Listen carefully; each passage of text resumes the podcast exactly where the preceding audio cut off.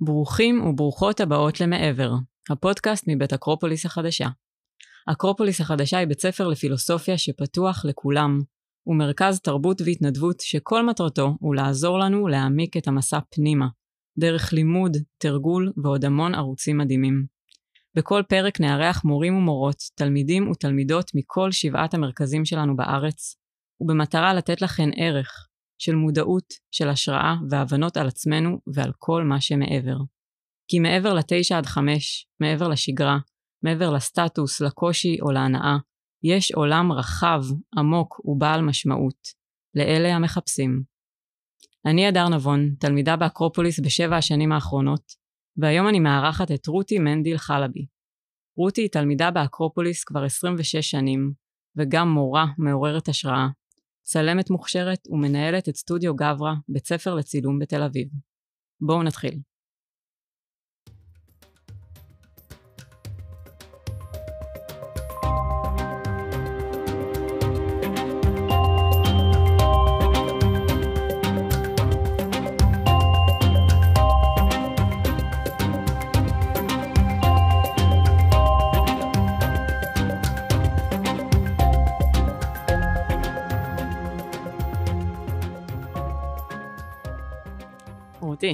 איזה כיף שאת איתי פה היום. לגמרי.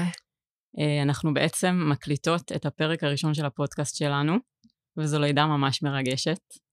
וכשחשבנו איך לקרוא לפודקאסט הזה, אז באמת עלה לנו השם מעבר, שזה ככה השיח שהייתי רוצה לפתח סביב זה היום, כי אני באמת חושבת שבשביל מי שמחפשת או בתהליך של איזושהי עבודה פנימית של מודעות, כל הנושא הזה של המעבר זה משהו שהוא מאוד מאוד בסיסי בשבילנו.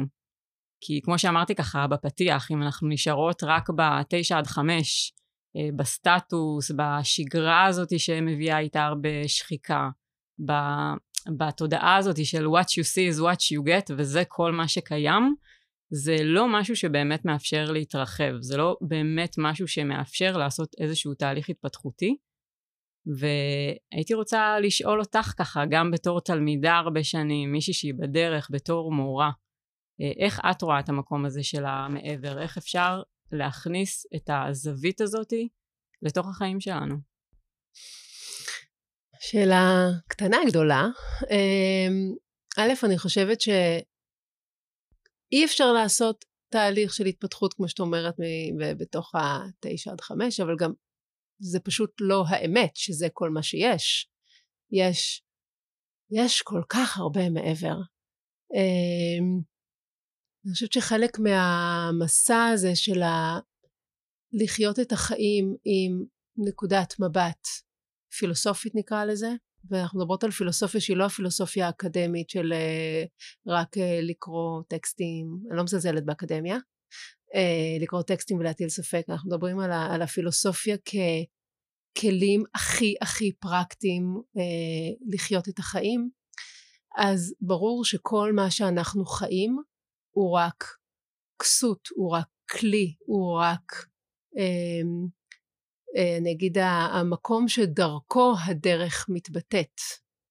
אה, ובמובן הזה המסע הזה, המסע של ההתפתחות, שלתפיסתי זה מה שבאנו לעשות כאן על פני האדמה, לעבור מסע של התפתחות, מסע של אבולוציה של התודעה ושל ההכרה, אה, מתרחש בזכות הצורות, הנסיבות והחיים שלנו, אה, אבל הצורות, הנסיבות והחיים שלנו הם באמת רק הכלי, והסיפור האמיתי הוא מה שמעבר. Mm-hmm. ואני חושבת שזה משהו שלי היה ברור מאז שאני זוכרת את עצמי, אבל לא ידעתי לתת לזה מילים. וכשהתפניתי רגע אה, מכל המטלות, כן, של בית ספר, צבא וכדומה, ו- ונסעתי, אז אה, יכולתי לראות את החיים עירומים כפי שהם, ובאמת לפגוש את מה שיש אה, מעבר, ואני חושבת שכשחזרתי בעצם אה, חיפשתי איך, איך אפשר לחיות את זה. זאת אולי השאלה הגדולה, איך בעצם אפשר לחיות את ה... את המעבר mm-hmm. בתוך היום יום. זה מעניין, את יודעת, כי אני גם זוכרת איזשהו רגע מאוד מאוד מסוים בחיים שלי, זה היה בגיל 18, ישבתי ככה על איזה צל ההר, והסתכלתי רחב, והייתה לי איזושהי ידיעה ברורה שהחיים הם לא כפי שהם נראים. שיש עוד הרבה יותר מזה. ומעניין, את יודעת, אם זה איזשהו צורך פנימי אנושי שיש לכל אחד ואחת מאיתנו, האם זה זרע שפתאום נשתל לנו אולי מתישהו? לכולם יש את הצורך הזה? זה משהו שהוא זמין לכולנו? את יודעת, כי אני מסתכלת על העולם שלנו, ואנחנו בלופ, אנחנו ב treadmill, מה שנקרא. אז אני חושבת שהאופן שבו אנחנו בנויים, בני אדם, כן, זה מה שנקרא הגרעין הפנימי הזה של אה, תודעה שמתבטאה בצורך קיים אצל כולם, זה המבנה שלנו, אנחנו מדברים על זה גם פה באקרופוליס בשיעורים, המקום זה של האישיות, המרכבה, הכלים, הזמניים, המשתנים, ומה שנמצא בפנים, שאנחנו קוראים לו הנשמה או האני העליון, או כל הדממה, המקום השקט שקט הזה, אבל אנחנו יכולים חיים שלמים. לא לשמוע את זה. אמ, ומי שהצורך מתחיל להתעורר בו כתוצאה ממין רגע כזה שאת מדברת עליו, או לפעמים כתוצאה מ... דווקא זמנים של התפרקות של צורות, של, של מפגש עם מוות, עם סוף, עם מחלה. כל אחד חווה את זה ברגע אחר במקום אחר, אבל כשמתעורר צורך, אז בעצם אה, אנחנו אוחזים איזה קצה של חוט ואנחנו יכולים להתחיל to follow it. וכן, אני חושבת שעוד פעם, כפוטנציאל זה קיים בכולם, האם כל בני האדם מודעים לזה? לא, לא, לא כולם. אני חושבת שזה מי, ש, מי שאוחז בזה לרגע אז um, כדאי שיפנה לזה מקום בתוך החיים שלו כי אחרת אני חושבת שתמיד נסתובב עם איזושהי חוויה של חוסר. כן. ואיך באמת הזווית הזאת של המעבר יכולה לעזור לנו לעשות איזשהו תהליך של התפתחות? זאת אומרת, אם אני יכולה לראות שהדברים הם לא רק כפי שהם, כן? איך זה, איך זה יכול לעשות לי, לעזור לעשות לי איזשהו תהליך. איך זה עוזר לי בחיים בעצם. כן. א', זה גם, אה, זה, זה, זה גם אה, מאוד מאתגר, כן? זה כמו שאנחנו אומרים, אה, אנחנו תמיד מדברים על הדוגמה הזאת מהמטריקס, שרק רוצה רגע לא, לא לראות ולחזור לאכול את הסטייק ולא לדעת שזה אשליה. אמ, אני חושבת שכש... פוגשים משהו שקשור למעבר או לאיזשהו סוג של אמ, אמת שנמצאת מעבר לפשט של הדברים אז זה כבר לא עניין של אם זה יכול לעזור לי או לא יכול לעזור לי. once זה שם יש את הצורך אז אני ארצה לחוות את זה ולהרחיב את זה כמו שאמרתי קודם בתוך החיים שלי. אבל איך זה יכול לעזור לי אני חושבת שזה um, משנה את האופן שבו אנחנו צועדים את החיים שלנו משנה את הפרספקטיבה שלנו מחבר אותנו לאיזשהו שקט שקיים בתוכנו. אנחנו חיים חיים שהם פרדוקס משוגע. Mm-hmm. אנחנו חיים חיים שהדבר היחידי שאנחנו יודעים זה שהם סופיים ונמות בסוף. ושכל מה שאנחנו קשורים אליו משתנה וזז כל הזמן. זה המהות של הדברים. וכשאנחנו מתחילים לפתוח את החיבור שלנו למה שנמצא מעבר, לרוח, שהאופי שלה הוא בדיוק הפוך מהחומר, יציבה, היא קבועה, היא נצחית, אה, יש בה שקט, יש בה ידיעה, יש בה אהבה ללא תנאי, יש בה אמ, יציבות. כשאנחנו מתחילים לפתוח את זה אז אנחנו באופן טבעי מתחברים לאיזשהו מקום שקט יותר בתוכנו mm-hmm. וזה נשמע לי כמו אושר. ממש. זה נשמע לי כמו אושר ואושר לא מהסוג ה... בוא לסדנה מגניבה ובוא תהיה מאושר, זה לא כזה פשוט, זה עבודה. כן, אני באמת מוצאת שזה משהו שאני יכולה לשתף מהמקום שלי, שהוא היום, והאמת כבר הרבה שנים, זה ממש כמו חמצן. זאת אומרת, זה חמצן, זה הדלק לכל דבר, וזה נותן המון משמעות, כאילו לכל דבר. אם זה לעבודה, לזוגיות, לקשרים, למשברים, לחלקים באמת היותר מאתגרים וקשים של החיים, לחושך, אבל גם הרבה לאור. אז אולי באמת נדבר רגע על משמעות, כי אני, אני אגיד שהסיפור הזה של למצוא משמעות או לקלוט שיש משהו מעבר הוא לא איזה המצאה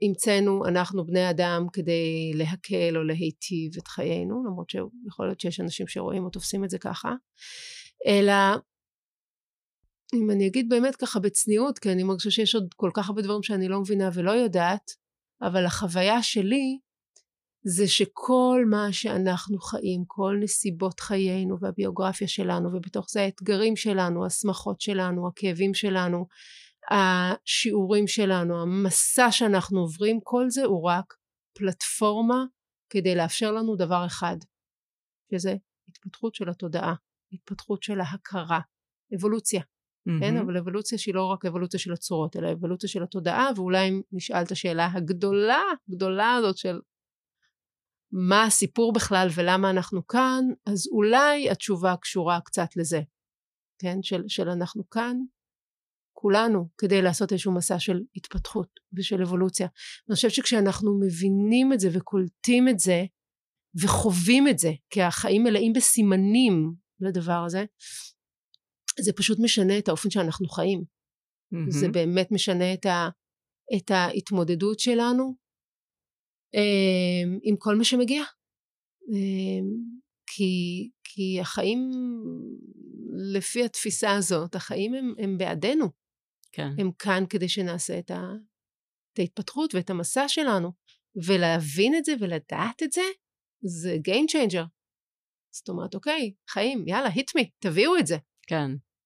זה מאוד מאוד משמעותי, זה לא בקטנה, זה משנה את האופן שבו אנחנו חיים. אנחנו מבינים שכל מה שמגיע הוא, הוא לפתחנו כדי שנגדל. מדהים. דיברת באמת על uh, סימנים, אז רציתי באמת לשאול אותך, כי אני, אני מאמינה שכל מי שמאזין או מאזינה לנו, יש בה את הזרע הזה. Uh, זה לא סתם שנמשכים לתכנים האלה, לערוצים האלה.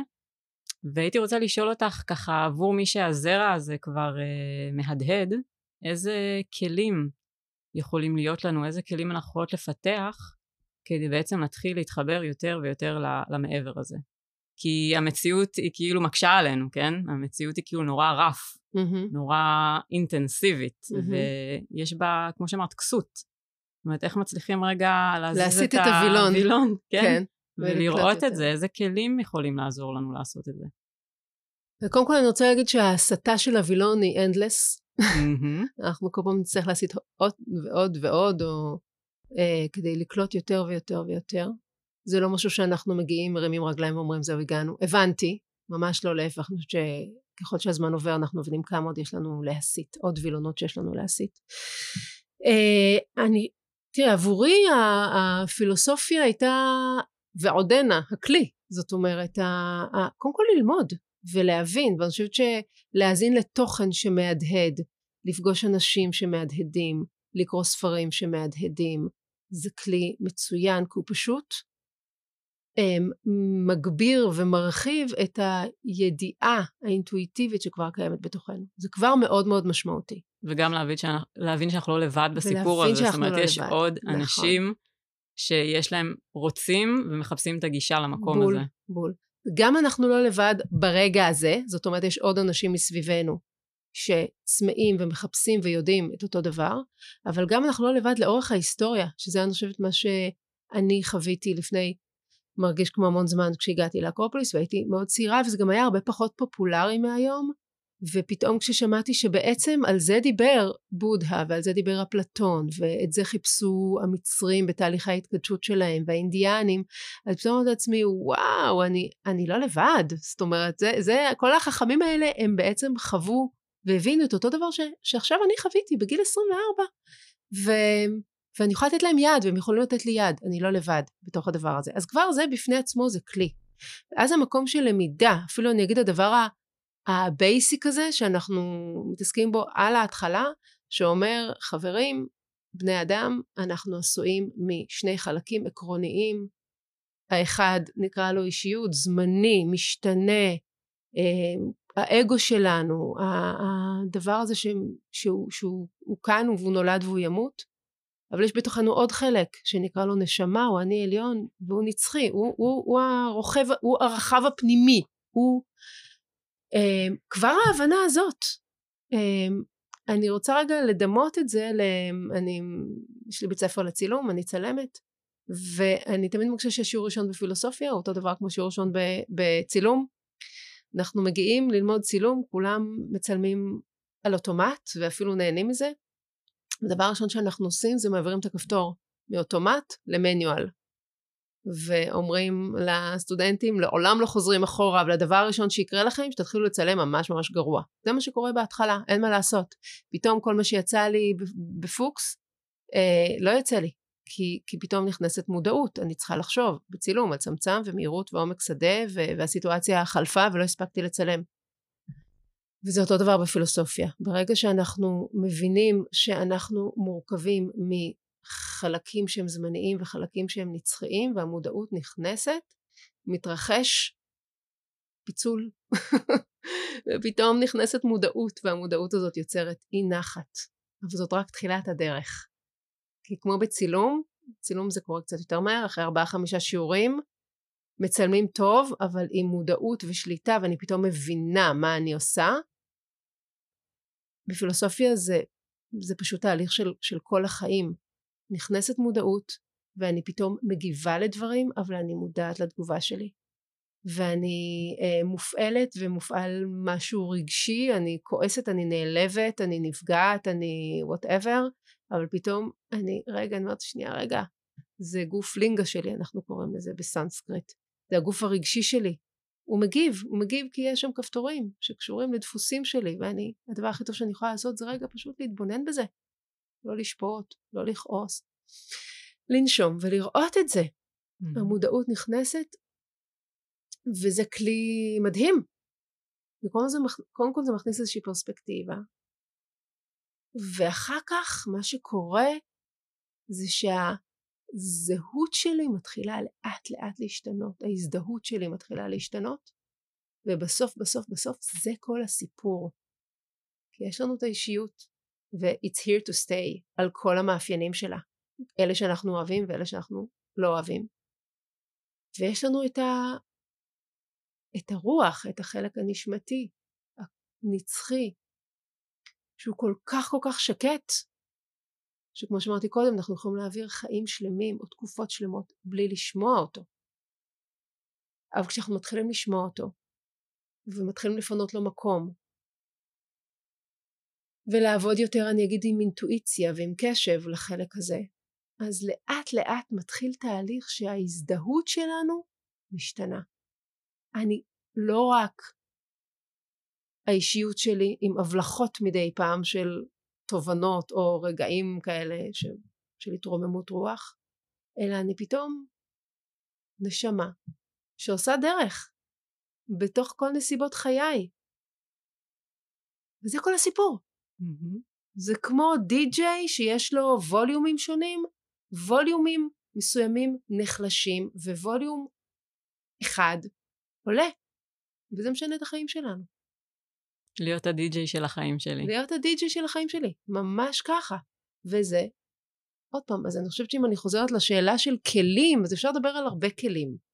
וגם יש המון אנשים נפלאים וחכמים שמדברים על המון המון המון כלים, אבל בסוף זה עצם ההבנה, זה כמו, מי אמר את זה? read the fucking menu. manual. read the fucking manual. כאילו, הגענו בלי manual. בואו נקרא את המניואל. והדבר המדהים הוא שהוא ממש לא פרטי שלי, של רותי. לא, הוא אוניברסלי. הוא קיים משחר התודעה, או האנושות. פשוט לא, לא למדנו אותו. אני זוכרת שעוד פעם, שה, שהחוויה שלי הייתה אחרי שככה באמת, עוד פעם, יצאתי לטיול של אחרי, ו- והיה לי רגע פנאי להתבונן ולקלוט ולראות איך הדברים עובדים. כשחזרתי לארץ, אז כאילו, אשכרה היה לי צורך להגיד לכולם, חברים, היי, לא, אף אחד לא דיבר איתי על זה. לא, לא ההורים שלי הנפלאים והנהדרים, ולא אנשים שסביבי, בטח לא 12 שנות לימוד בבית ספר, אף אחד לא דיבר איתי על, ה... על מה שקורה, וזה מרהיב, זה מופלא. מה יש לעשות בחיים האלה חוץ מ... להמשיך לחקור את זה ולחיות את זה ולהרחיב את הנוכחות לזה בתוך החיים שלנו. וזה ממש לוקח אותי למקום שאני חושבת שאחד הכלים, אנחנו מדברות על כלים, הוא באמת קשור לסקרנות. Mm. זאת אומרת, להיות באיזושהי סקרנות תמידית, רצון ככה לבדוק, לחפש. ממש זה ככה. זה ממש נדרש. ממש ככה. מה שהקלטתי לך לרגע את ה... מה אני אומרת על עצמי, אז חוץ מפרטי ביוגרפיה, זה המקום כאילו של להסתובב את החיים מתוך סקרנות של כמה עוד יש לגלות, כמה מעט אנחנו יודעים. וזה שם אותנו ב state of mind של פתיחות. והמקום הזה של פתיחות אה, מאפשר לנו לקלוט, זה קצת כמו המושג הזה של להיות כוס ריקה, ואז זה מאפשר את הקבלה.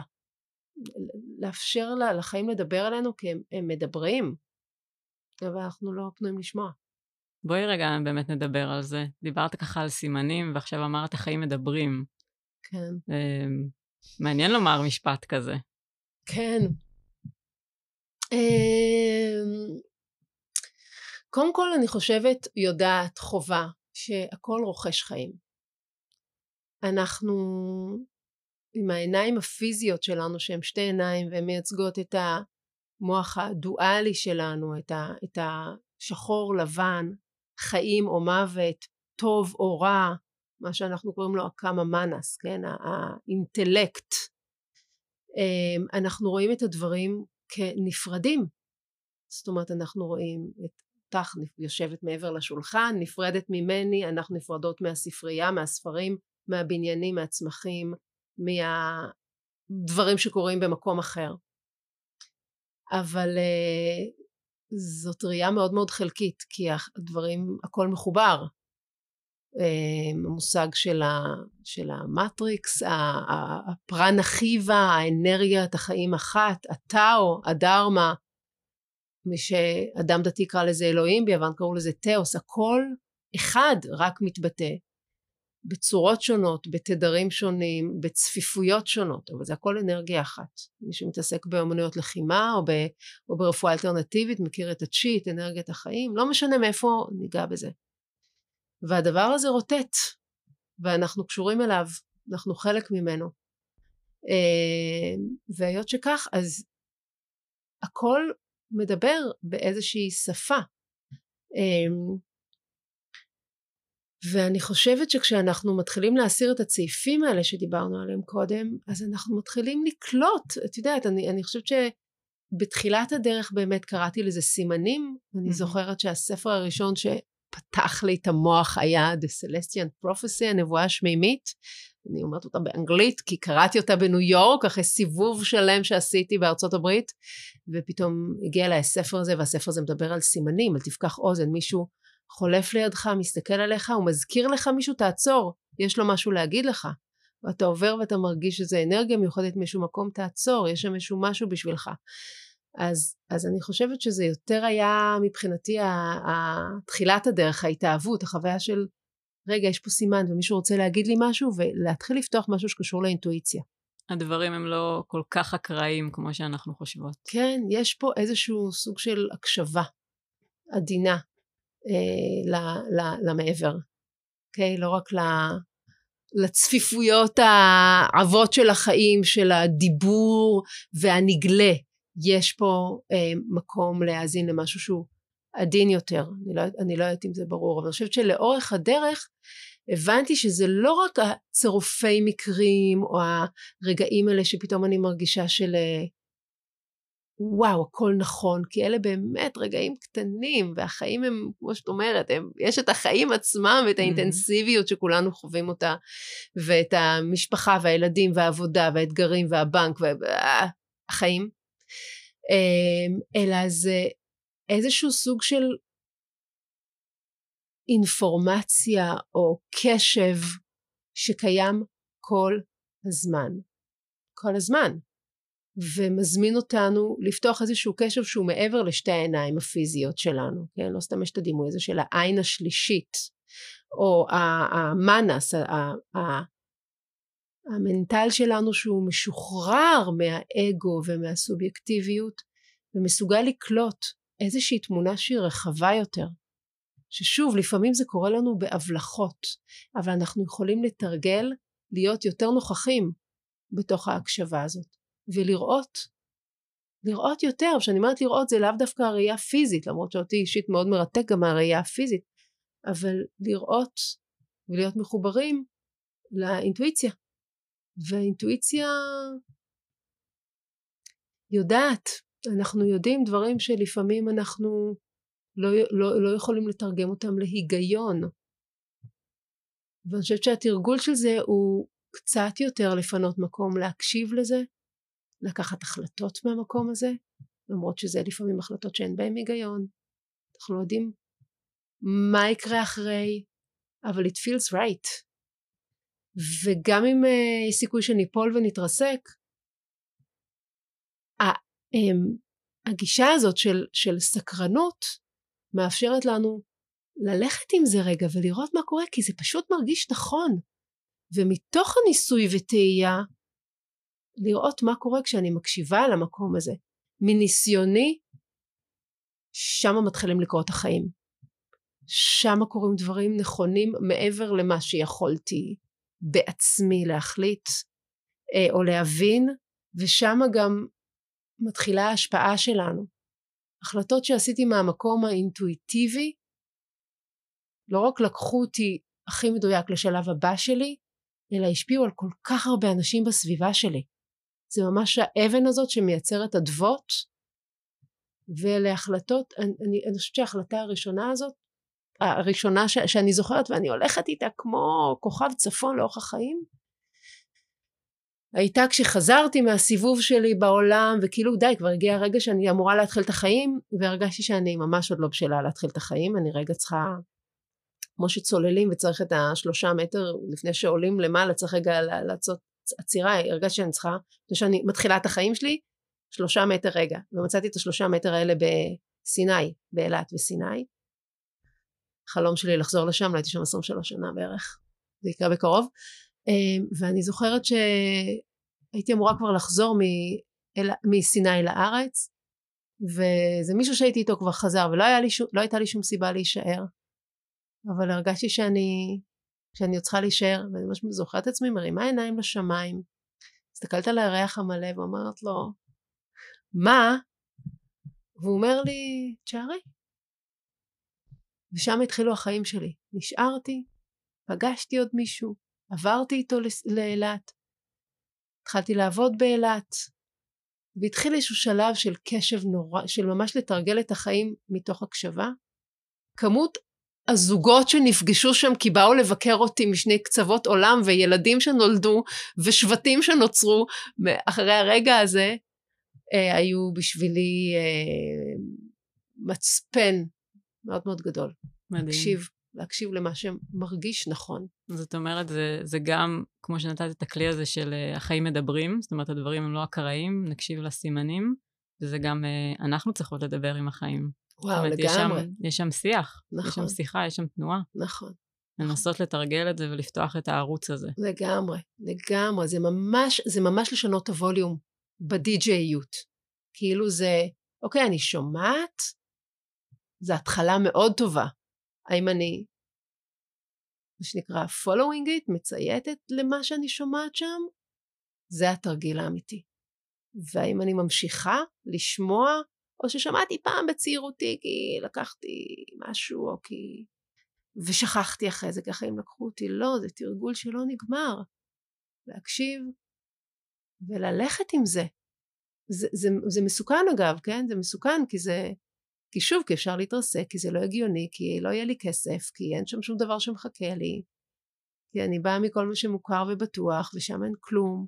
זה ממש נשמע כמו ללכת נגד הזרם. כאילו הזרם לפחות המערבי, כל מה שגדלנו עליו. כן, אבל זה מה זה ללכת עם הזרם?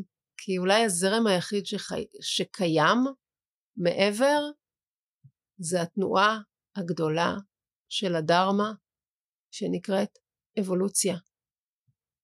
זה הזרם. ובסוף בסוף זה נורא מעניין כי בעצם מה שזה מזמין אותנו לעשות זה להתמסר, להתמסר לזרם הזה.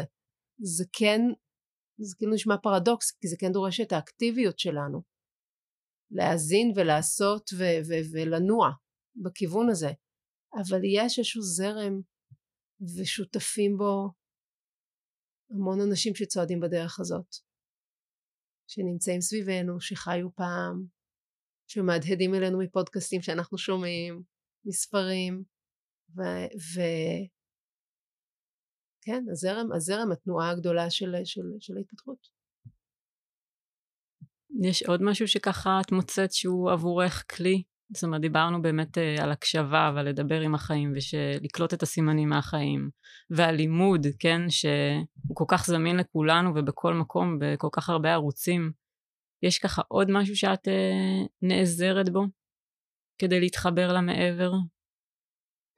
אז א', אני רוצה להגיד באמת את, את העניין של תרגול, ותרגול, יש היום כל מיני, אני דווקא לא מדברת על טכניקה של תרגול, אני לא מדברת רק על לשבת לעשות מדיטציה או ריכוז, אני חושבת שזה תמיד טוב לתרגל ריכוז, אבל זה גם יכול להיות תרגול של, של, של 30 שניות, רגע, לעצור שנייה רגע ולעשות שקט. אני מדברת על התרגול של החיים, זה פשוט להבין שזה תהליך שהוא ארוך והוא מתמשך והוא ספירלי, וכל פעם שנחשוב שכבר ניצחנו משהו וזהו זה מאחורינו זה יחזור אלינו, כי זה סיבוב ועוד סיבוב ועוד סיבוב ועוד סיבוב. אמ, ולהבין באמת, לעבוד עם ההבנה הזאת שכל מה שנקרא על דרכי, גם האנשים הכי מעצבנים ודווקא אלה שמאתגרים אותי או קרובים אליי, אה, או הרגעים המאתגרים שיש, הם ממש חלק מהתרגול, החיים מה שנקרא מדברים איתי דרך הכלים האלה. אז התרגול, אני, אני מאוד מחוברת לחיים, אני מאוד מאמינה ש... וחובה שלא צריך ללכת רחוק כדי כדי לתרגל, אלא זה ממש כאן, החיים הם כאן, זה רק לחיות אותם עם איזושהי פרספקטיבה אחרת, אה, לשנות את נקודת המבט שלנו, את החוויה שלנו כלפי החיים.